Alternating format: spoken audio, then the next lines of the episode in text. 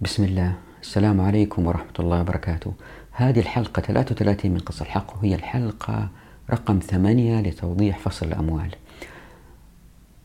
توضيح سريع ثاني استفسار من بعض الزملاء أنه في الحلقة الماضية قلت في آخرها عن زكاة المستغلات وأن المصانع ليس عليها زكاة. لا المصانع عليها زكاة لكن زكاة عروض التجارة يعني يخرجوا آه، الزكاة من المنتجات. وليس كما ذهب الفقهاء آه، إلى أنها الفقهاء المتأخرين أنها زكاة مستغلات 10% الحلقة هذه والحلقة القادمة هم آخر حلقتين لتوضيح فصل الأموال وهم تقريبا من أهم الحلقات إن لم يكونوا أهمها ليه؟ لأنه في الحلقتين هذه نوضح كيف أنه الشريعة وضعت مبادئ من خلالها الأمة لها بدائل للتصويت لاستمرارية حاكم يعني. بدائل ليس في العالم الغربي مثلا يصوتوا من خلال صناديق الاقتراع لا. في إن طبقنا الشريعة في العالم الإسلامي البدائل هي بدائل عملية فعلية. فمثلا آه، ما الذي يحدث إن كان الحاكم مستبد وجائر؟ هل للناس إخراج الزكاة بأنفسهم حتى لا تقع في يد الحاكم المستبد؟ آه مثال آخر. عكسي ما الذي يحدث إن كان الحاكم عادل والناس يروا عدله وشخص آه بيحاول يهرب من الزكاة وقال أنا دفعت الزكاة وهو ما دفعها؟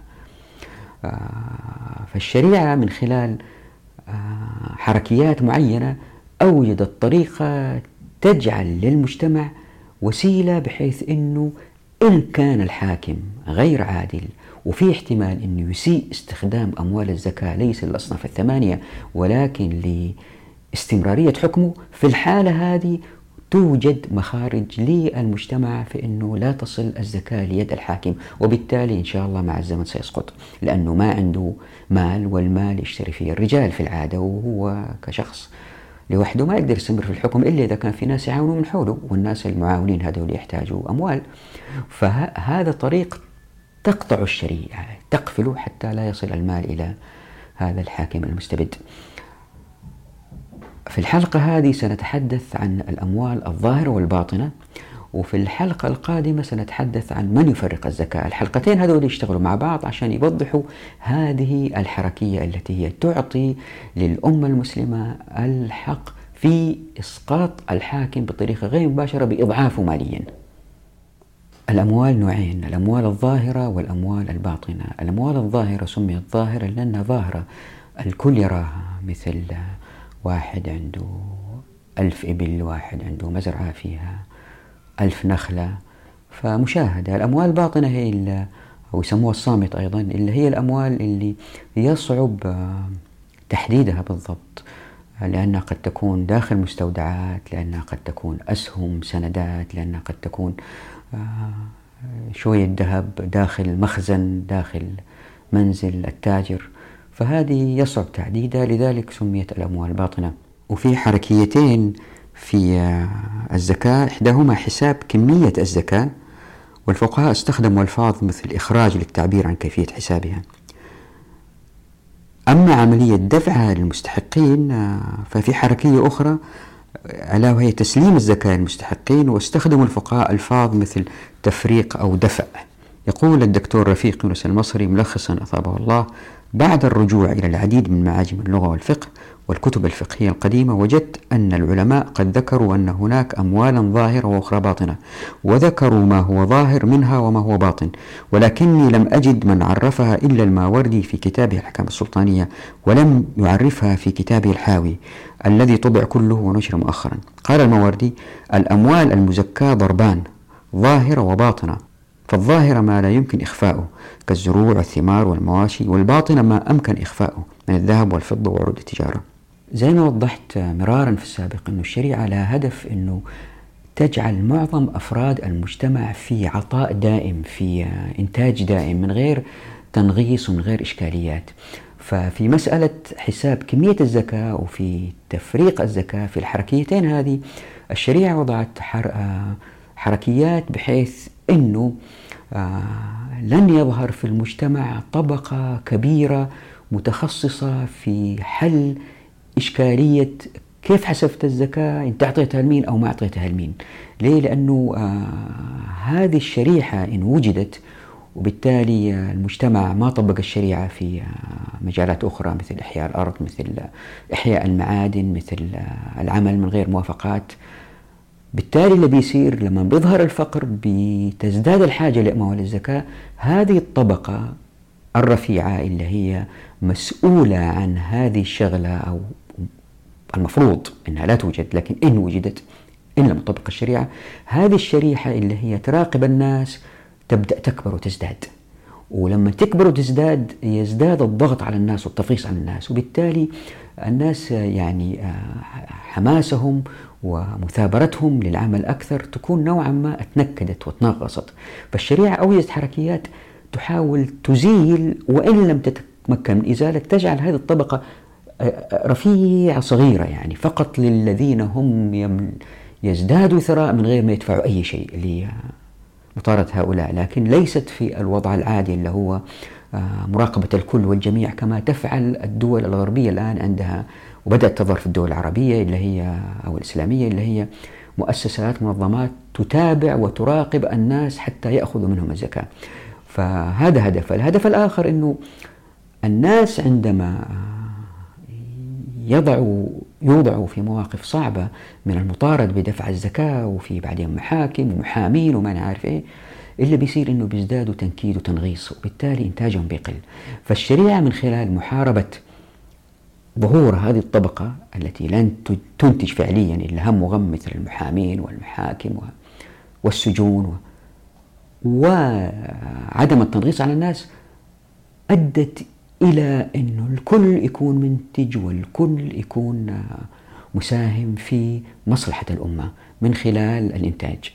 اللي صار مع الأسف مع الفقهاء المحدثين أنهم لم يفرقوا بين الأموال الظاهرة والباطنة تعاملوا معها مع النوعين كأنهم نوع واحد وأنه للدولة الحق في تحصيلها وتوزيعها لأنه زي ما قلت مرارا أنه كان في أذهانهم استحالة تطبيق الشريعة كما أتت في الماضي في أيامنا هذه لأن الدولة كبرت وتحتاج إلى نفقات وبالتالي تحتاج إلى أموال وبالتالي من أين تأتي الأموال؟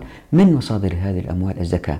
يعني معظم المحدثين تعاملوا مع المسألة بنفس الطريقة إلا الدكتور رفيق يوسف في استثناءات منهم الدكتور رفيق يونس المصري. جزاه الله خير.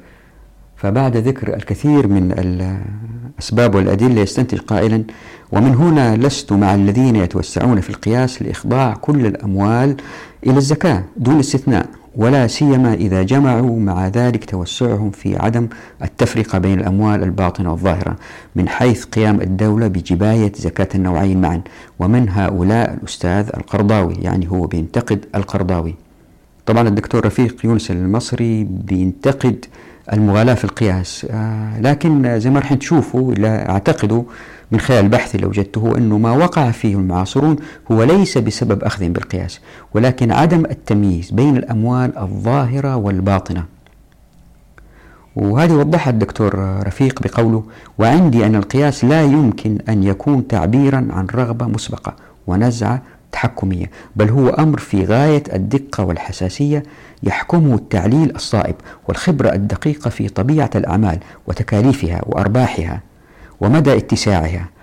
وطبعا زي ما هو معروف آه، إنه كتاب آه، الشيخ يوسف القرضاوي عالم جليل آه، لا غبار على ذلك. لكن أحيانا العلماء تكون لهم زلات. فمثلا أنا أعتقد في هذه المسألة إنه ما ميز بين الأموال الظاهرة والباطنة رغم إنه هو في كتاباته يعلم الفرق الواضح بين الأموال الظاهرة والباطنة. فيقول القرضاوي مثلا والذي أراه أن النصوص والأدلة الشرعية التي جعلت الزكاة من شؤون الإمام أو الحكومة المسلمة لم تفرق بين مال ظاهر ومال باطن وأن الواجب على الحكومة المسلمة متى وجدت أن تتولى أمر الزكاة تحصيلا وتوزيعا. هذا هو الأصل في تلك الفريضة. والعجيب أن الشيخ القرضاوي جزاه الله خير قال هذا الكلام وهو بيقول في مكان آخر بوضوح بطريقة تبين إدراكه لأهمية الفرق بين الأموال الظاهرة والباطنة. فيقول في موضع آخر على أنه إذا صحت التفرقة بين المالين في السنة النبوية وأن الرسول صلى الله عليه وسلم لم يكن يرسل سعاته لأخذ الزكاة من المال الباطن أو الصامت كما يسمى فإن ذلك كان لسببين. واحد أن الناس كانوا يأتون بها طائعين إلى رسول الله صلى الله عليه وسلم بدافع الإيمان والرغبة في أداء الواجب إرضاء لله تعالى. اثنين وأن حصر هذا النوع من المال كان غير ممكن إلا لأصحابه فتركت زكاته وإخراجها لذممهم وضمائرهم التي أحياها الإسلام. وكذلك استمر الأمر في عهد الخليفة الأول أبي بكر رضي الله عنه أما في خلافة عمر بن الخطاب فقد اتسعت رقعة الدولة الإسلامية واقتضاه ذلك أن ينظم الشؤون المالية ويدون الدواوين ويقيم نظاما رائعا للتكافل الاجتماعي حتى فرض لكل مولود في المجتمع الإسلامي راتبا وحتى شمل ذلك التكافل أهل الذمة مع المسلمين. ومثل هذا النظام يحتاج ولا شك إلى تمويل ضخم وموارد غزيرة. فلا عجب إذا رأينا أن عمر رضي الله عنه يكلف عماله أن يجمعوا الزكاة من الأموال كلها ظاهرة وباطنة ولا يتركوها في الباطنة لأصحابها يقدموها بأيديهم مختارين. وكل هذا تعزيز لميزانية التكافل وتقوية لبيت مال المسلمين. وضع عمر لذلك نظام المحصلين المعروفين باسم العشارين. وإنما سموا بذلك لأنهم كانوا يأخذون العشر من تجار أهل الحرب مثلما كانوا يأخذون من تجار المسلمين ويأخذون نصف العشر من تجار أهل الذمة وفق ما صالحهم عليه عمر. ويأخذون ربع العشر من تجار المسلمين وهو مقدار الواجب في زكاة التجارة وذلك وفق تعليمات عمر لهم فأخذهم يدور على العشر ونصفه وربعه. واعتبر العلماء عمل الفاروق رضي الله عنه رفقا بأصحاب الأموال الباطنة الذين بعدت ديارهم عن حاضرة الخلافة الإسلامية إذ يشق عليهم أن يحملوا زكاة أموالهم إلى دار الخلافة فأقام لهم العشارين لجمعها. وقد استمرت الزكاة تجمع بواسطة الإمام ونوابه من الأموال الظاهر والباطنة. وإن اختلفت طريقة عمر عن طريقة النبي صلى الله عليه وسلم وخليفته أبي بكر. لاحظوا أنه هنا بيأكد أنه في اختلاف في طريقة جمع الأموال بين فعل عمر رضي الله عنه وارضاه وبين فعل الرسول صلى الله عليه وسلم وأبو بكر رضي الله عنه. وإن اختلفت طريقة عمر عن طريقة النبي صلى الله عليه وسلم وخليفته أبي بكر بالنظر للأموال الباطنة. لاتساع رقعة الدولة. فلما جاء عثمان بن عفان رضي الله عنه كانت موارد بيت المال من الفيء والغنائم والخراج والجزية والعشور والصدقات قد بلغت أرقاما هائلة. بعدما أفاء الله عليهم من الفتوح وأفاض عليهم من الثروات فرأى عثمان أن يجمع الزكاة من الأموال الظاهرة فحسب وأما الأموال الباطنة فيدع أمرها إلى أربابها يؤدون تحت مسؤوليتهم زكاتها بأنفسهم. يعني اللي عنده مال باطن مثل عروض التجارة هو بنفسه يدفعها للمستحقين ما يدفعها للدولة بالضرورة. ثقة منه بأمانة الناس ودينهم وإشفاقا عليهم من عنة التحصيل والتفتيش وتوفيرا للنفقات الجباية والتوزيع. لاحظوا كيف يعني السبب يقلب حسب هو إيش يبغى. يعني هذه كلها بحسن نية هذه كلها بحسن نية يعني. لكن لأنهم زي ما قلت مرارا ظنوا أن الدولة تحتاج لأموال طائلة للقيام بأعمالها. بدأوا يبحثوا في الماضي عن ما قد يدعم هذا الهدف وراح تشوفوا إن شاء الله في هذه الحلقة نضحض هذه نضحض ما ذهب إليه المعاصرين من الفقهاء. وكان ذلك اجتهادا منه رضي الله عنه وإن أدى ذلك فيما بعد إلى إهمال كثير من الناس للزكاة في أموالهم الباطنة. لما رق دينهم وقل يقينهم. وقد فسر بعض الفقهاء ذلك بأن أمير المؤمنين عثمان أناب عنه أصحاب الأموال الباطنة في أداء زكاتها. وطبعا من النص السابق واضح أنه فعل الخليفة عثمان رضي الله عنه ليس اجتهاد ولكن هو عودة لما فعله الرسول صلى الله عليه وسلم. هذا من ناحية. من الناحية الثانية اللي يقرأ النص السابق يستنتج أنه مسألة دفع الزكاة للمستحقين هي مسألة يمكن تتغير. كانت شيء أيام الرسول صلى الله عليه وسلم ثم أصبحت شيء آخر أيام عمر ثم عادت أصبحت شيء آخر. وبالتالي هي قابلة للإجتهاد بتغير ظروف الزمان والمكان. وهذا فتح الأبواب للفقهاء المحدثين لإصدار فتاوى قد تخالف آه، نصوص آه، واضحة أتت بها الشريعة. مثلا اجتمعوا مجموعة من الفقهاء المعاصرين وقالوا بالآتي. قد تعين الآن أن يتولى ولي الأمر جمع الزكاة من كل الأموال الظاهرة والباطنة لسببين. أولهما أن الناس تركوا أداء الزكاة في كل الأموال ظاهرها وباطنها. فلم يقوموا بحق الوكالة التي أعطاها لهم الإمام عثمان بن عفان ومن جاء بعده من الأمراء والولاة. وقد قرر الفقهاء أن ولي الأمر إن علم أن أهل جهة لا يؤدون الزكاة أخذها منهم قهرا لا فرق في ذلك بين مال باطن ومال ظاهر. وعلى ذلك فقد زالت الوكالة. وجب الأخذ بالأصل والسير على ما قرره الفقهاء. ثانيهما أن الأموال صارت كلها ظاهرة تقريبا. فالمنقولات التجارية تحصى كل عام إيراداتها ولكل تاجر صغير أو كبير سجل تجاري تحصى فيه أمواله وتعرف فيه الخسارة والأرباح. فالطرق التي تعرف بها الأرباح لتفرض عليها ضرائب الحكومة لاحظوا كانوا يتكلموا عن الزكاة الحين كانوا ضرائب. طيب لتفرض عليها ضرائب الحكومة تعرف أيضا لتفرض على رأس المال وعليها فريضة الزكاة التي هي حق الله وحق السائل والمحروم. أما النقود فأكثرها مودع بالمصارف وما يشبهها. وعلمها بهذه الطريقة سهل ميسور والذين يودعون نقودهم بطون الأرض ليسوا في الحقيقة من أهل اليسار الفاحش وعددهم يقل الآن شيئا فشيئا.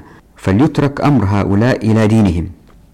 يعني لاحظوا في النص السابق آه بدأت مسألة تظهر إلى هي أنه آه نقدر نعرف الأموال الباطنة نقدر نحسبها نقدر من خلال الوثائق من خلال السجلات من خلال البنوك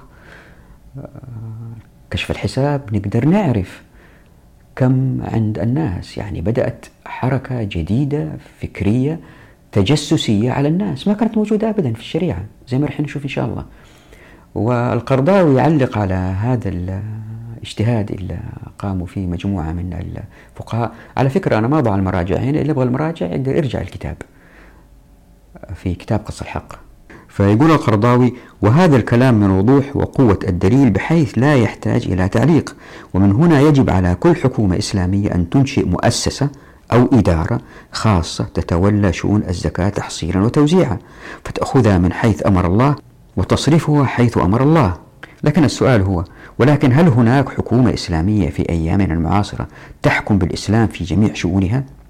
لذلك يستدرك القرضاوي هذا المذهب بربطه بضرورة وجود دولة مسلمة لأخذ زكاة الأموال الظاهرة والباطنة فيقول أما الحكومة التي ترفض الإسلام أساسا للدولة ودستورا للحكم وتحكم بغير ما أنزل الله مما تستورده من مذاهب الغرب أو الشرق فهذه لا يجوز لها أن تأخذ الزكاة وإلا استحقت وعيد الله تعالى إذ قال أعوذ بالله من الشيطان الرجيم أفتؤمنون ببعض الكتاب وتكفرون ببعض؟ وحتى أقنعكم بأن هذه الاستحداثات تؤدي إلى إذلال الأمة أكثر وأكثر لأنها توجد طبقة بيروقراطية لأنها تؤدي إلى إضمحلال إضمحلال الإنتاجية زي ما رح نشوف إن شاء الله. في خمسة ملحوظات حتى تقتنعوا. الملحوظة الأولى هي أنه الوكالة اللي أعطاها عثمان بن عفان رضي الله عنه للناس زي ما ذهبوا. آه لا الوكالة هي من الرسول صلى الله عليه وسلم. في الشريعة الوكالة من الرسول والرسول صلى الله عليه وسلم هو الذي يوجدها أو, أو هو الذي يبطلها. وليس أحد بعده. للخلفاء فعل اجتهادي لما قد قد قد يخالف ما قاله الرسول صلى الله عليه وسلم في حدود لكن ليس في مسألة مفصلية كهذه واضحة لا سيما لا سيما إن أثبتنا أنه في مصلحة الأمة العمل بما فعله الرسول صلى الله عليه وسلم. هذا هو الأصل. فعل الرسول صلى الله عليه وسلم إن أثبتنا صحته لأيامنا هذه خلاص هو الأصل. والدكتور رفيق المصري جزاه الله خير يثير هذه المسألة بطريقة حلوة ويقول هل عثمان رضي الله عنه أول من ترك زكاة الأموال الباطنة؟ ثم أجاب قائلا هذا ما تقوله لنا كتب الفقه الحنفي ولا أظن ذلك صحيحا فزكاة الأموال الباطنة متروكة لضمائر الناس منذ عهد النبي صلى الله عليه وسلم والخليفتين من بعده إن شاءوا أدوها إلى الدولة وإن شاءوا دفعوها إلى مستحقها مباشرة ويأتي استاج هذا من نقد عدة أقوال لفقهاء المذهب الحنفي منها قوله كما يدله قول ابن الهمام أي في فتح القدير فلما ولي عثمان وظهر تغير الناس كره أن يفتش السعاة على الناس مستور أموالهم. يعني عثمان رضي الله عنه كره أنه السعاة الذين يأخذوا أموال الزكاة يفتشوا على الناس مستور أموالهم. ففوض الدفع إلى الملاك نيابة عنه. ولم يختلف الصحابة عليه في ذلك. وقال الكاساني كان يأخذها رسول الله صلى الله عليه وسلم وأبو بكر وعمر رضي الله عنهما إلى زمان عثمان رضي الله عنه. فلما كثرت الأموال في زمانه رأى المصلحة في أن يفوض الأداء إلى أربابها بإجماع الصحابة فصار أرباب الأموال كالوكلاء عن الإمام. فهذا توكيل لأرباب الأموال بإخراج الزكاة فلا يبطل حق الإمام عن الأخذ. ولهذا قال أصحابنا إن الإمام إذا علم من أهل بلدة أنهم يتركون أداء الزكاة من الأموال الباطنة فإنه يطالبهم بها. لكن إذا أراد الإمام أن يأخذها بنفسه من غير تهمة الترك من أربابها ليس له ذلك لما فيه من مخالفة إجماع الصحابة رضي الله عنهم. وبعد ذكر مثل هذه الأقوال يقول رفيق المصري ناقدا ما ذهب إليه الإمام أبو زهرة نعم قد تكون كثرة الأموال في عهدي أي عهد عثمان رضي الله عنه. ولكن هذا فيما يبدو لي اتفاق يعني مصادفة لا سبب. والسبب أمر آخر. عزوف الناس وفرارهم من زكاة الأموال الباطنة مما تطلب التفتيش والتجسس والمنازعة وارتفاع تكاليف الجباية. وعلى هذا يحمل القول الأول المذكور في فتح القدير وهو أقرب إلى الصواب من قول الكاساني. الكاساني من مذهب الحنفي طبعا. وفي هذا وافق قول الأستاذ أبو زهرة رأى عثمان الأموال قد كثرت وأن في تتبعها حرجا بالأمة وضررا على النحو الذي بيناه فوكل الناس إلى أمر دينهم ابتداء. أما قوله هذا التقسيم لم يكن في عصر النبي صلى الله عليه وسلم ولا في عصر الخليفتين من بعده ولكنه جاء بعد ذلك عندما كان سيدنا عثمان رضي الله عنه يجمع الزكاة من بعض المال دون البعض. فعندي أن هذا التقسيم كان موجودا في عصر النبي صلى الله عليه وسلم والخليفتين من بعده بل هو موجود قديما وبحكم الطبيعة. غاية ما هنالك أن الدولة كانت تقبض زكاة الباطنة مع الظاهرة يؤدونها طواعية ولم يكن ثم تقسيم ما أخذت الظاهرة منهم جبرا والباطنة طواعية. يدل على ذلك أيضا أن النبي صلى الله عليه وسلم لم يكن يرسل السعاء إلا في طلب الظاهرة فقط كما ذكر العلماء. ذكر إمام الهدى الشيخ أبو منصور الماتوريدي السمرقندي رحمه الله وقال لم يبلغنا أن النبي صلى الله عليه وسلم بعث في مطالبة المسلمين بزكاة الورق الفضة وأموال التجارة ولكن الناس كانوا يعطون ذلك ومنهم من كان يحمل إلى الأئمة فيقبلون منه ذلك ولا يسألون أحدا عن مبلغ ماله ولا يطالبونه بذلك. كذلك الخلفاء من بعده صلى الله عليه وسلم لم يكونوا يرسلون السعاة لأجل الباطنة والذي قاتل عليه أبو بكر رضي الله تعالى عنه هو الظاهرة لا الباطنة. والخلاصة فإن عثمان رضي الله عنه ليس هو الذي قسم الأموال إلى ظاهرة وباطنة. هذا الاستنتاج للدكتور رفيق المصري مهم جدا لنا؟ حتى ملخ بتخليني أقرأ مباشرة من الكتاب الفقرة هذه مهمة. لأنه إن ثبت أنه لا يحق للدولة أخذ زكاة الأموال الباطنة بل على الناس إخراجها بمعرفتهم فإن في هذا تجفيف لمصدر مالي مهم لبيت المال. هذه مسألة مهمة لأنه إذا كان الدولة ما لها الحق في أخذ المال من الأموال الباطنة وهي كثيرة الأيام هذه وراح نوضح هذه كيف الفرق بين الظاهر والباطن آه، في عصرنا الحالي فلم أجد مما قرأته ما يدل على أن الرسول صلى الله عليه وسلم أو خلفائه من بعده كانوا يصرون على أخذ زكاة الأموال الباطنة بل يطلبونها ويقبلونها إن أتتهم. وما نشأ هذا الاعتقاد والله أعلم من أن الرسول صلى الله عليه وسلم وخليفته أبا بكر وعمر رضي الله عنهما كانوا يطالبون بزكاة الأموال الباطنة. وأن عثمان رضي الله عنه تخلى عنها إلا مما ذكره أصحاب الرأي بتأويلهم حديث السائب بن يزيد من أنه سمع عثمان رضي الله عنه يحث الناس على إخراج زكاة أموالهم الباطنة بأنفسهم. يأتي هذا الحديث إن شاء الله. فكان استنتاج من قول عثمان رضي الله عنه أن ما كان قبل عثمان لابد وأن يكون عكس ما قاله عثمان. أي أن حث عثمان رضي الله عنه الناس لإخراج زكاة أموالهم الباطنة لابد أن يعني أن من سبقه كانوا يصرون على أخذه. وهذا استنتاج عجيب. وهنا يكون السؤال لماذا لا يكون ما قاله عثمان من باب التذكير للناس؟ فسمعه السائب بن يزيد ونقل عنه كحديث. أي أن ما قاله عثمان رضي الله عنه لم يكن من باب الانقلاب على ما سنه من قبله الرسول صلى الله عليه وسلم ومن تبعه في ذلك من بعده أبو بكر وعمر رضي الله عنهما. ثم أتى من بعد ذلك بعض الفقهاء المعاصرين فرجحوا أقوال بعض فقهاء المذهب الحنفي ولم يكترثوا للتمييز بين المال الظاهر والباطن في طريقة الإخراج وقالوا أن الوكالة في إخراج زكاة الأموال الباطنة هي من عثمان رضي الله عنه. لذلك يمكنهم الآن أي المعاصرون الإفتاء بإزالة الوكالة من الناس وإرجاعها للدولة أي أن الأصل هو عكس ما ذهبوا إليه. هذا الاستنتاج مهم. أي أن الأصل هو عكس ما ذهبوا إليه الفقهاء المعاصرين. الملحوظة الثانية لما ذهب إليه الفقهاء المتأخرين أنه للدولة الحق في أخذ الزكاة آه، لأن الناس الآن هذه الأيام لا يدفعوا زكاة الأموال الظاهرة والباطنة. الملحوظة الثانية هي أنه آه، هم بيرجعوا لحديث الرسول صلى الله عليه وسلم في مسند الإمام أحمد من أعطاها مؤتجرا فله أجره ومن منعها فإنا آخذوها وشطر ماله. عزمة من عزمات ربنا لا يحل لآل محمد منها شيء. فالحديث أولا في ضعف زي ما ذهب بعض الفقهاء وحتى إذا كان صحيح فالحديث في خلاف بين الفقهاء على أخذ شطر المال. فالمنتشر هو أخذ الزكاة. لكن المهم في الحديث هذا أنه هو موجه للذين لم يدفعوا الزكاة. يعني هو ليس موجه للتقييد كل الأمة بإيجاد نظام ضريبي أو نظام جبي زكاة بحيث أنه الكل يخضع لهذا النظام. لا المسألة ما هي كذا. المسألة أنه الناس الذين ثبت أنهم لم يدفعوا الزكاة هم الذين تؤخذ منهم الزكاة رغما عنهم.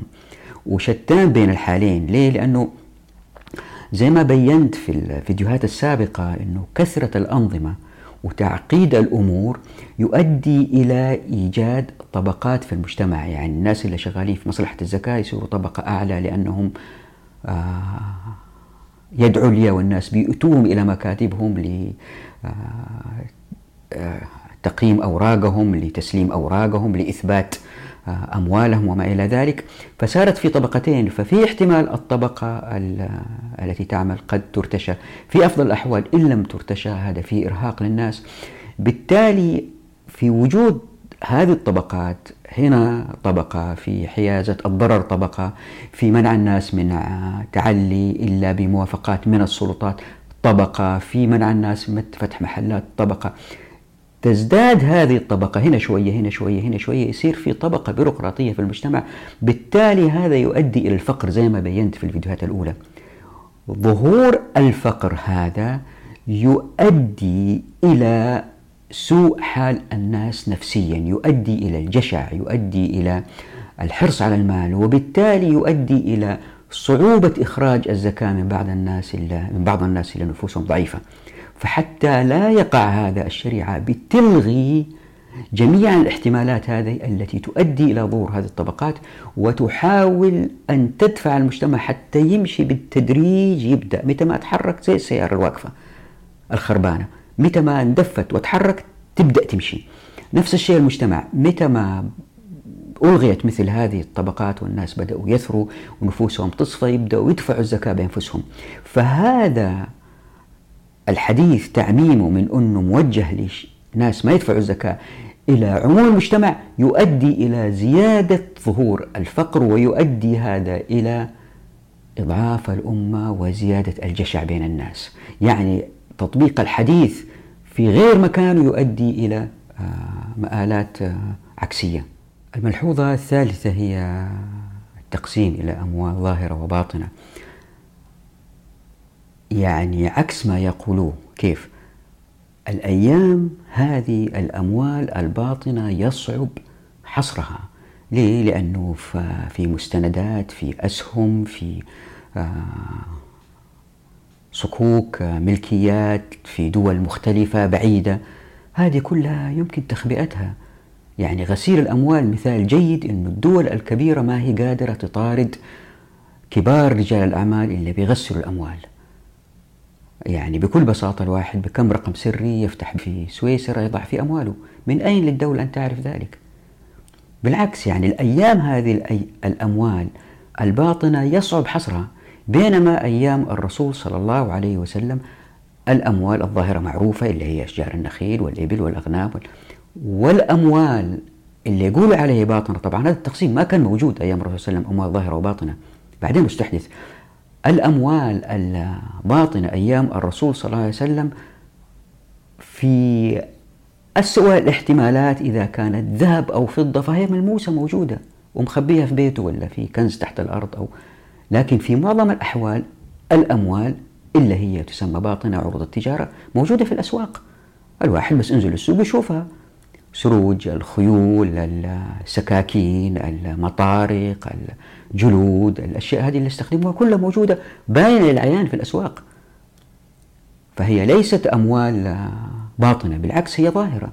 مع ذلك لما آه، تفرض عليها الزكاة من قبل الدولة يعني الناس يخرجوا زكاتها بأنفسهم ما يعطوها للدولة مش شرط يعطوها للدولة. لتوضيح هذه المسألة آه، لابد أن نأخذ بعض التفصيل. جمهور فقهاء السلف باستثناء الأحناف قالوا أنه عروض التجارة من الأموال باطنة. طبعا التمييز هذا لما نقول ظاهرة باطنة الباطنة تعني أنه الإنسان يخرجها بمعرفته أنه الدولة ما لها دخل. باستثناء فقهاء السلف من المذهب الحنفي اللي قالوا أنه عروض التجارة تصبح ظاهرة إذا مرت على العاشر. فمثلا ابن عابدين بيقول كل ما مر به التاجر على العاشر فهو من نوع الظاهر وسماها باطنة باعتبار ما كان قبل المرور. والأستاذ أبو زهرة حذو حذف الحنفية وقال قرر الفقهاء أن النقود وعروض التجارة تعد أموالا باطنة إلا إذا انتقلت من بلد إلى بلد فإنها تظهر وتنتقل من الباطن إلى الظاهرة. هذه مسألة مهمة ننتبه لها أنه انتقال المال من مكان لمكان وماذا يؤدي إليه. وقال أيضا ولا يعفى صاحبها إلا إن أثبت قضائيا بأنه أداها. ولقد ذهب القرضاوي أيضا لما ذهب إليه الأحناف فقال أموال التجارة في مواضعها من الأموال الباطنة. فإذا كانت منقولة من إقليم إلى إقليم ومر بها التاجر على العاشر فقد التحقت بالظاهرة ووجب دفعها إليه. يعني دفع الزكاة للعاشر يعني الشخص الذي يقف في الحدود وزي رجال الجمارك الأيام هذه. هنا يثير رفيق المصري أثابه الله سؤالا متعجبا بقوله كيف يكون المال باطنا في موضعه؟ فيعهد إلى أربابه ثم يظهر للعاشر فيصير ظاهرا. فيعهد إلى العاشر إن هذا لعمري من التناقض ولابد أنه مؤد إلى أحد الاحتمالين إلى أحد احتمالين. إما الثني يعني الإزدواج إذا زكاه صاحبه ثانية بأمر العاشر وإما الفرار من زكاة كل مال باطن في موطنه. يعني الشخص اللي دفع الزكاة طيبة منه لما يجي ونقولها من بلد إلى بلد يحصل العاشر واقف له ويقول له أدفع الزكاة وراح يدفع الزكاة مرة ثانية. هنا صار في ازدواج. وإما محاولة الأفراد الفرار من دفع الزكاة في موطنهم لأنهم يعرفوا أنه راح يمروا على العاشر وراح ياخذ منهم فلوس. زكاة يعني. وهنا رفيق المصري أصاب مقتل.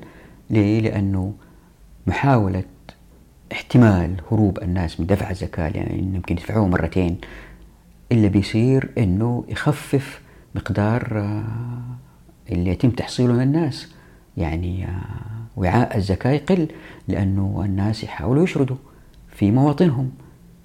وزي ما قلنا تذكروا في آه، الأقرب في الأقرب في الحلقة السابقة لما تحدثنا عن دفع الزكاة للناس في الموطن أنه هذا يخلي تلك المنطقة تلتئم ثم بالتالي المناطق الأقرب تلتئم وبالتالي المجتمع كله يلتئم. هذه الحركية تتعطل الآن. ليه؟ لأنه الناس بيحاولوا يشردوا من الزكاة لأنهم يعرفوا أنهم بينقلوها من مكان لمكان وراح يدفعوا الزكاة رغم أنهم العاشر.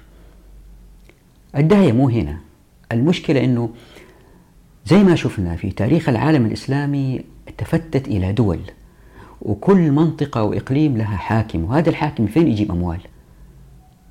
جزء من الأموال تأتي من هذه الحدود اللي حط فيها العاشر ويأخذ منها الأموال. فهذه النقاط اللي هي ينتقل فيها الناس من إقليم لإقليم أو مدينة إلى مدينة وفي عاشر يتأكد أنه الزكاة دفعت ويأخذها من الناس. مع الزمن لأنه الحاكم يبغى الأموال تأتي أكثر يبدأ يستثمر في هذه النقاط. يبدأ يبني فيها مباني يحط فيها موظفين أكثر بالتدريج تسير علامة لحدود بالتالي تظهر الحدود بين الدول. يعني اعتبار الأموال الباطنة آه، يجب أن تؤخذ منها الزكاة. هذا الاعتبار يعني من الدولة من قبل الدولة وليس الناس. الناس لهم يخرجوها بنفسهم. هذا الاعتبار أدى إلى ظهور الحدود بين الدول. يعني أشتغل ضد ما تريد الشريعة. ويتم رفيق المصري نقده لما ذهب إليه الأحناف بقوله والأعجب من هذا أن يدعي الحنفية الإجماع على مذهبهم. قال كاساني وكذا المال الباطن إذا مر به التاجر على العاشر صار ظاهرا وعليه إجماع الصحابة رضي الله عنهم. فإن عمر رضي الله عنه نصب العشار ومن الحربي العشر وكان ذلك بمحضر من الصحابة رضي الله عنهم. ولم ينقل أنه أنكر عليه واحد منهم فكان إجماعا. وقد ذكر الحنفية إجماع الصحابة على تحول المال الباطن ظاهرة إذا مر على العاشر وإجماع الصحابة أيضا على رأي عثمان بترك زكاة الباطنة إلى الناس. أما الإجماع الأول فيبدو لي أن فيه التباسا فإن الذي عليه إجماع الصحابة في خصوص زكاة المسلم هو أن يأخذ العاشر منه الزكاة طائعا غير مكره. طبعا وضعت هنا في النص تكملة آه، ما جاء في النص تحت حرف الياء بخط صغير. ثم يثير رفيق المصري جزاه الله خير سؤال آخر.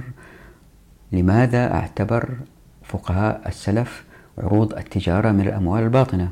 فيجيب لم أجد طرحا لهذه المسألة عند المعاصرين وقد ظننت أولا أني أول من طرحها لكني وجدت بعد ذلك كلاما للإمام النووي فيها.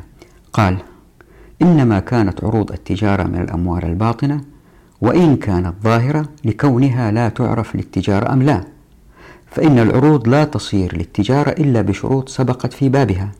والله أعلم. يعني باختصار زمان أول كانت عروض التجارة واضحة الناس يشوفوها في السوق يروها رأي العين لكن قالوا عنها أنها باطنة لأنه ما يعرفوا هل هي للتجارة ولا لا.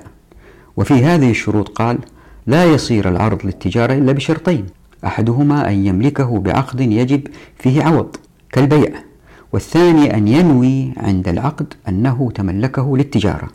وهذا ظاهر بالنسبة لمن يتجر سرا في منزله أو يتجر بسلعة قليلة يعني تاجر غير محترف.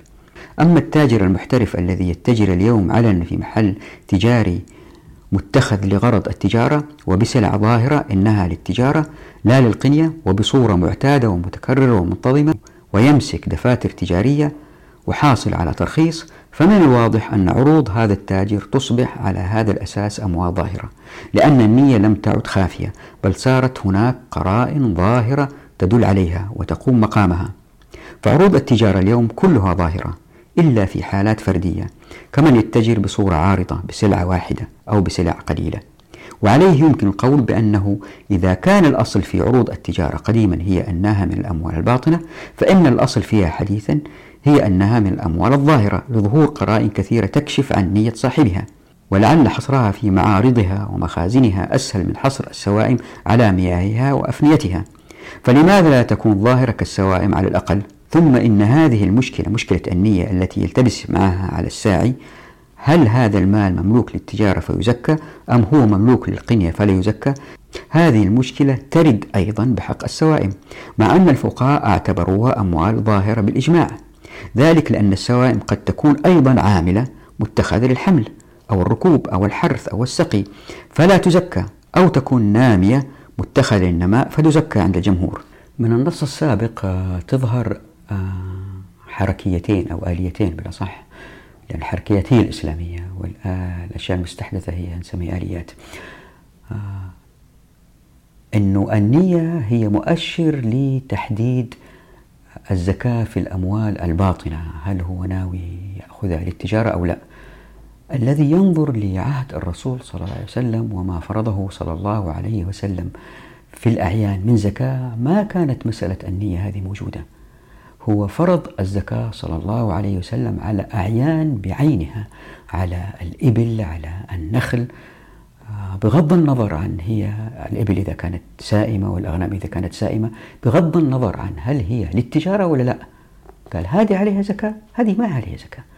يعني هذا التقسيم ظهر مع الفقهاء بعد عهد الرسول صلى الله عليه وسلم. الآلية الثانية هي اعتبار الأموال الظاهرة في أيامنا هذه أظهر من الإبل السائمة زمان أول لأن الإبل السائمة في الصحراء مثلا ويمكن لا ترى بين الجبال ولا في بطون الأودية بينما عروض التجارة ترى بوضوح. بالنسبة للآلية الثانية معظم الفقهاء الذين قرأت لهم المعاصرين المتأخرين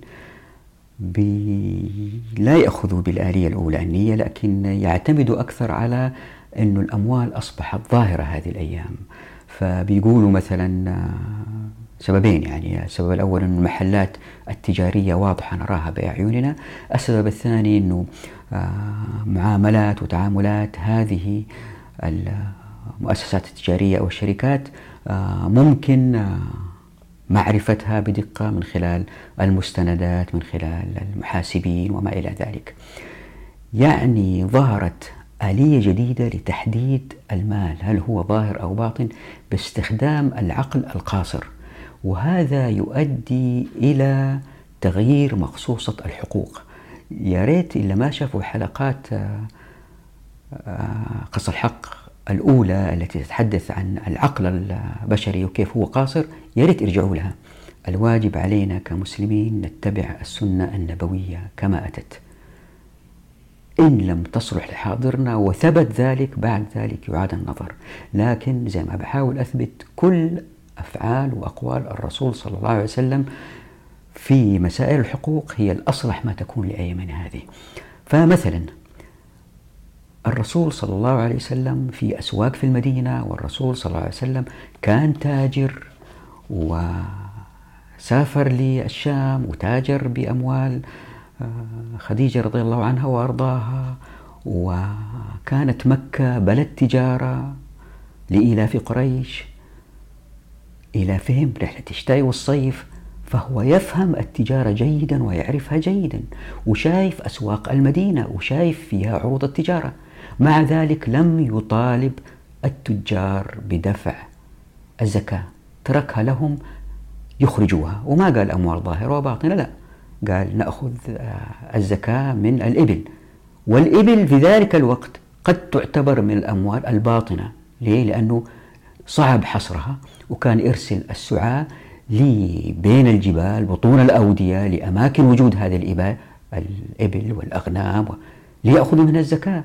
ويروح لوادي بعيد يكون في مزرعة كبيرة في واحة آه، نخيل ويأخذوا من هناك الزكاة من التمر. فزمان الرسول صلى الله عليه وسلم قد يكون الوا... يعني الواحد يناقش يقول هي العكس بالضبط. الموجود في سوق المدينة هو ظاهر والموجود في بطون الأبد الأودية من الآن هو هو الباطن. فكيف الفقهاء قلبوا المسألة؟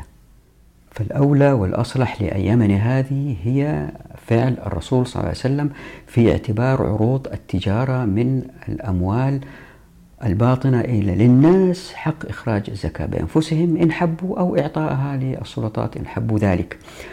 فلا يعقل أن التسمية التي استحدثوها الفقهاء أموال ظاهرة وباطنة هم استحدثوها حتى يتفاهموا بين بعض.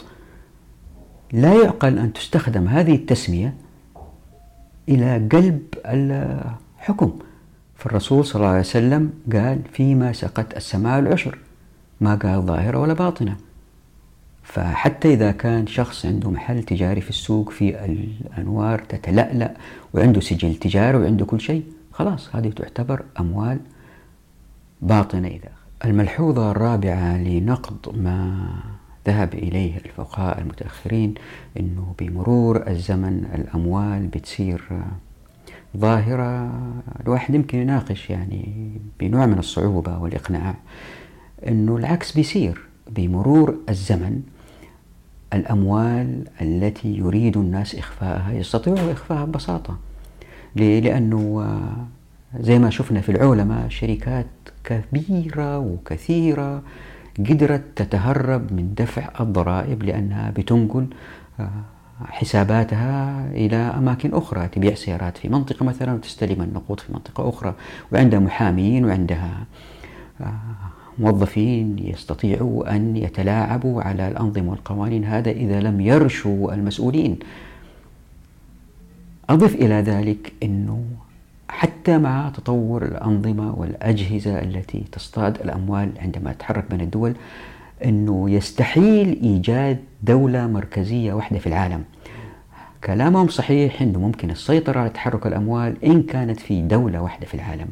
طالما أنه في قوميات مختلفة وأديان مختلفة في الكرة الأرضية وفي دول مختلفة وفي خلافات بينهم وهذه طبيعة البشر في اختلافات دائما مستمرة بين الدول يستطيع التجار نقل أموالهم من بلد إلى بلد آخر.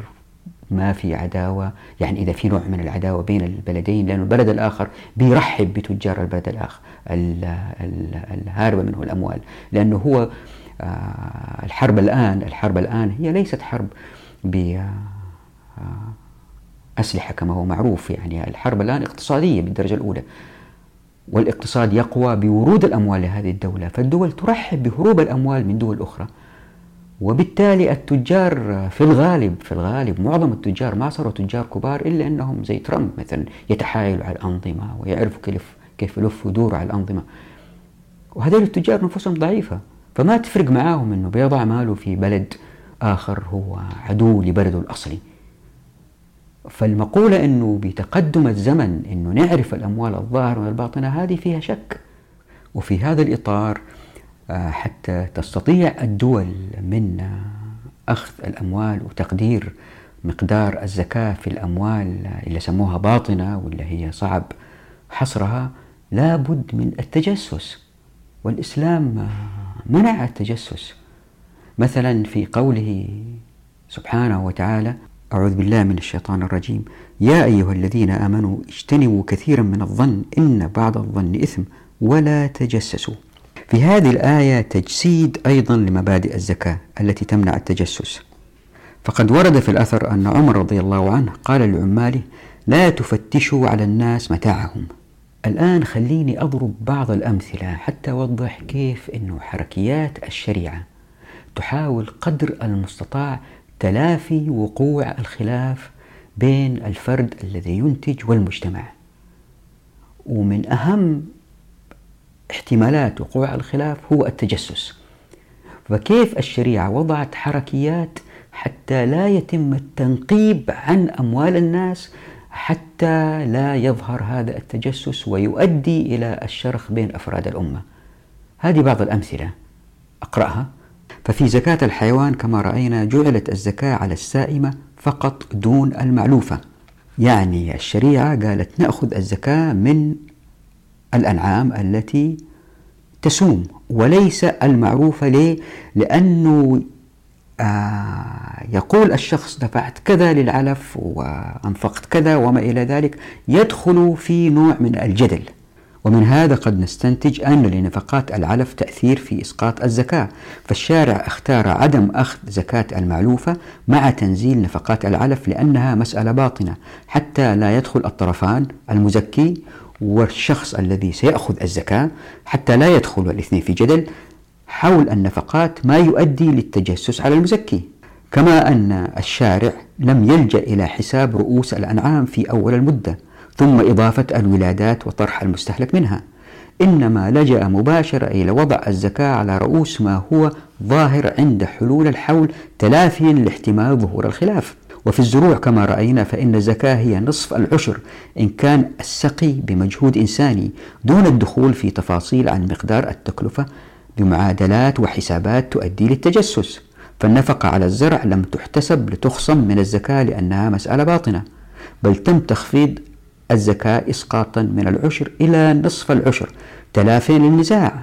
يعني تصوروا الزكاة تنزل من العشر إلى نصف العشر حتى ما يخشوا في جدل أنت كم أنفقت وكم صرفت وما إلى ذلك. حكمة عجيبة الشريعة كلها حكم.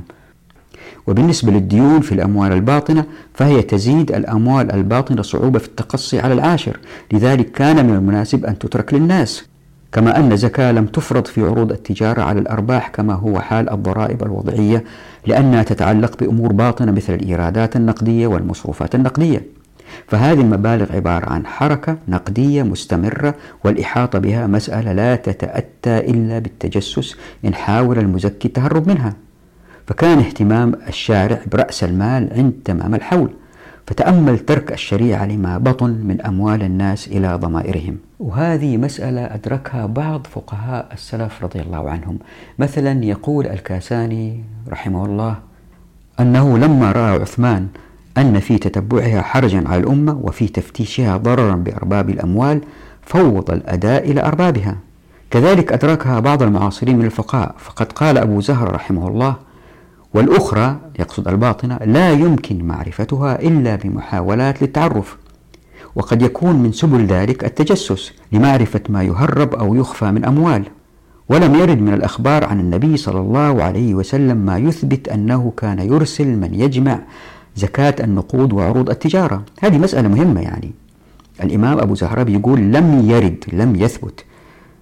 من الأخبار عن النبي صلى الله عليه وسلم ما يثبت أنه كان يرسل من يجمع زكاة النقود وعروض التجارة حتى لا يعرض الناس لفتنة التنقيب والتفتيش ثم التجسس ثم الكيد وإرهاق النفوس ثم فتح باب التحكم وذلك كله إثمه أكبر من نفعه. الله يرحمه إن شاء الله. بقيت لنا الملحوظة الخامسة لأنه أطلنا يجب أن نقف هنا وفي الحلقة القادمة إن شاء الله نتحدث عن الملحوظة الخامسة لنقد ما ذهب إليه الفقهاء المتأخرين في مسألة الأموال الظاهرة والباطنة وإن شاء الله في الحلقة القادمة نتحدث أيضا عن من يفرق الزكاة وهو موضوع جدا جدا مهم وستروا كيف أن الشريعة تحاول قدر المستطاع قفل هذا الباب حتى لا يكون أداة في أيدي الدول. وبالتالي الأموال تصبح دولة بين المسؤولين ويستأجروا الرجال للعمل لهم ويحكموا الأمة بملك جبري. نراكم على خير في الحلقة القادمة وأظن أننا سنحتاج أيضا حلقتين أخرى فأخطأت في أول حلقة قلت نحتاج حلقتين لإنهاء فصل الأموال أظن سنحتاج ثلاث حلقات هذه حلقة وباقي أعتقد والله أعلم حلقتين. سأحاول أنهي الحلقة, الحلقة القادمة لكن لا أظن سأستطيع ذلك. نراكم على خير وفي أمان الله ودعواتكم.